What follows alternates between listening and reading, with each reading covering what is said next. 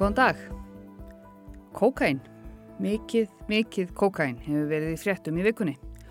Og sömulegist timbursali, raf, íþrótta, liðstjóri, atvinnulegs kannabisræktandi og svektir bladamenn. Allt er þetta tengt. Munlegur málflutningur fór fram í lang stærsta kókainmáli Íslandsögunar í héraðstómi Reykjavíkur í gær. Fjórir eru ákerðir fyrir að ætla að smigla til landsins 100 kílóum af kókaini í gámasendingu frá Brasilíu til Íslands með viðkomu í Rotterdam. Vittnaleðslur hófust fyrir mörgum vikum en svo gekk illa að fá hollenska tollverði til þess að bera vittni og það var ekki fyrir en eftir það sem átti greina frá því hvað gekk á í dómsalunum.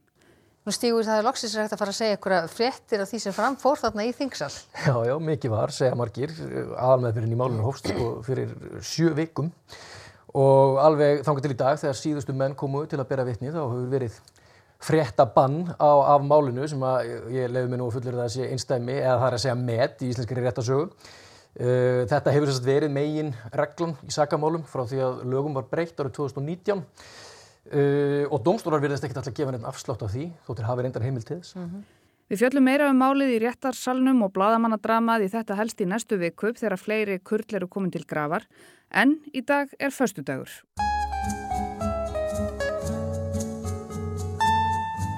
Og þá er rétt að rifja upp gamlan kokainþátt.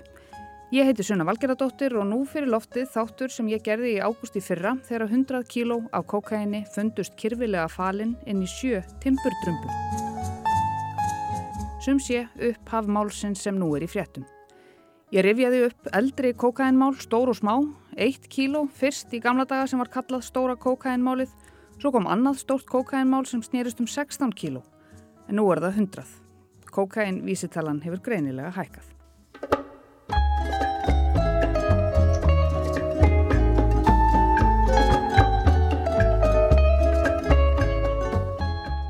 Kokain er eitt elsta og vinsælasta eiturlefið á markanum. Það er unnið úr blöðum kókaplöntunar, er í þróloxon kóka og eru Andersfjöld, Suður Ameríku, hennar kjörlendi. Frumbyggjar þessara svæða hafa tuggið lauf kókaplöntunar í aldar raðir til að auka úthald sitt í súrefnisnöðu háfjallaloftinu og er það vel. Kókain er hins vegar allt önnur ella en saklaus blöð kókaplöntunar. Bólivía, Ekvator, Peru, Brasilia og Kolumbía eru helstu framleiðslulönd kókains og kemur langstærstur hluti alls efnisins í heiminum þaðan upprunalega. Kókain er eins og morfín svo kallaður plöntu basi en morfín er unnið úr ópjumvalmúanum. Á fræðivefnum doktor.is stendur um kókain að það hafi verið einangrað úr kókablöðunum fyrstum miðja 19. öld. Þá komist menna því að það hefði örfandi áhrif á miðtögakerfið, drægi úr þreytu og matalist og síðar að það hefði staðdefandi verkun. Það var í raun fyrsta staðdefilefið sem menn þekktu og var því mikið notað af læknum og tannlæknum. Sumum læknum þótti efnið svo áhugavert að þeir vildu nota það til þess að kanna djúb sálarinnar innan gæsalappa og nota það við geðlækningar. Kókain neysla breyttist þó nokkuð út í ákveðnum hópum, ekki síst í ýmsum hressingardrykkjum og það er þekkt að Coca-Cola innhjælt kókain fram til ásins 1903. Afleðingar þessa urðu að kókain var notað í allt of miklu mæli bæði til lækninga og sem vímugjafi.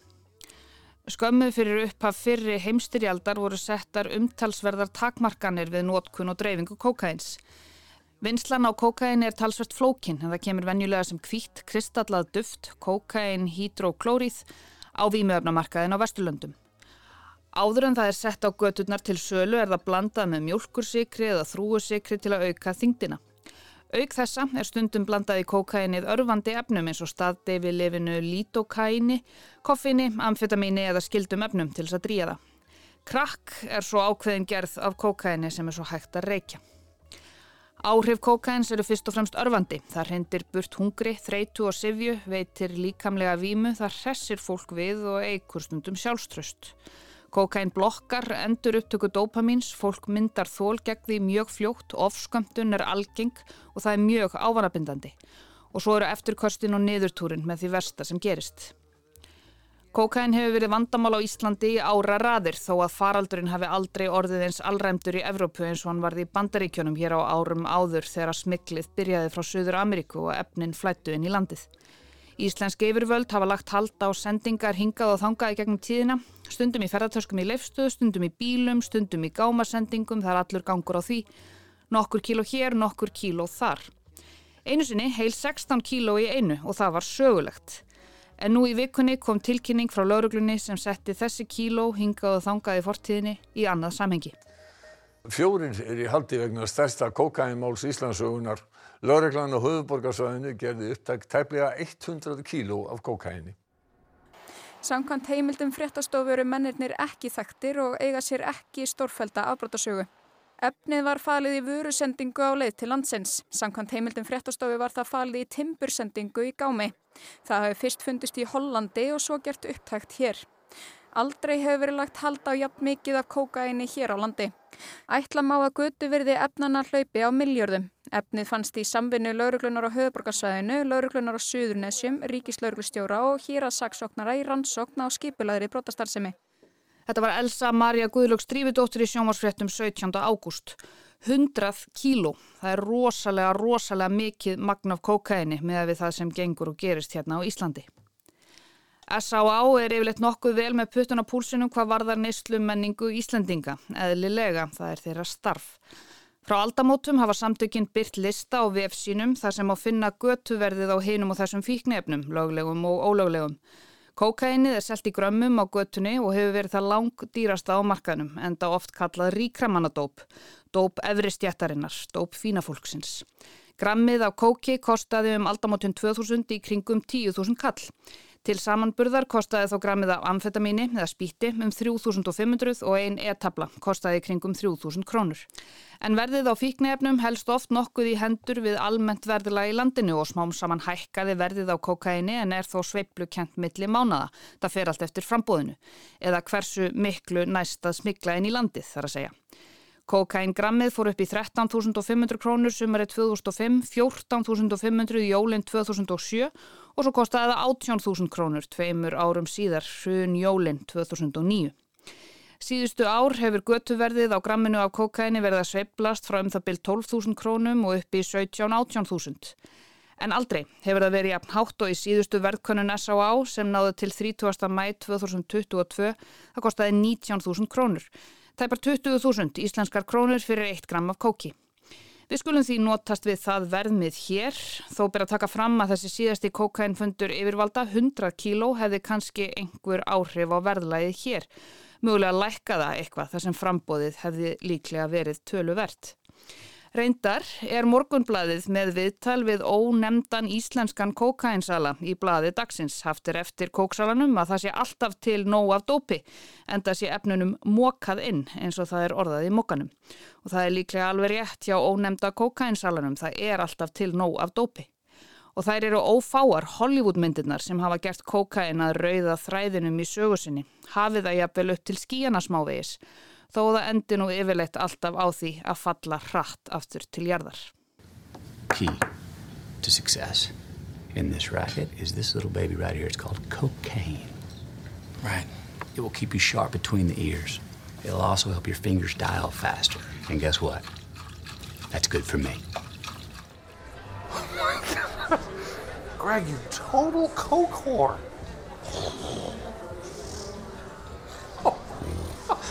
I need to. Should I puke? Not unless you can puke up your entire bloodstream. oh my god, man. That's strong I hope, drugs. I know. I hope you don't die. You want to flick ace? Okay. I'll play with it. Come on. Okay. Do you want to play rough? Okay. Uno. Say hello to my little friend. Where did you get this stuff? Colombia.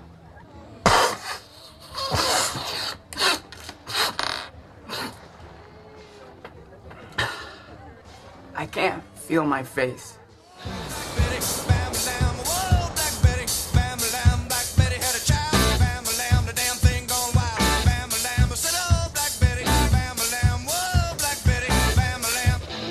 Þetta voru nokkur af fjölmörgum kokaintengdum atriðum úr Wolf of Wall Street, Succession, Scarface og Blow.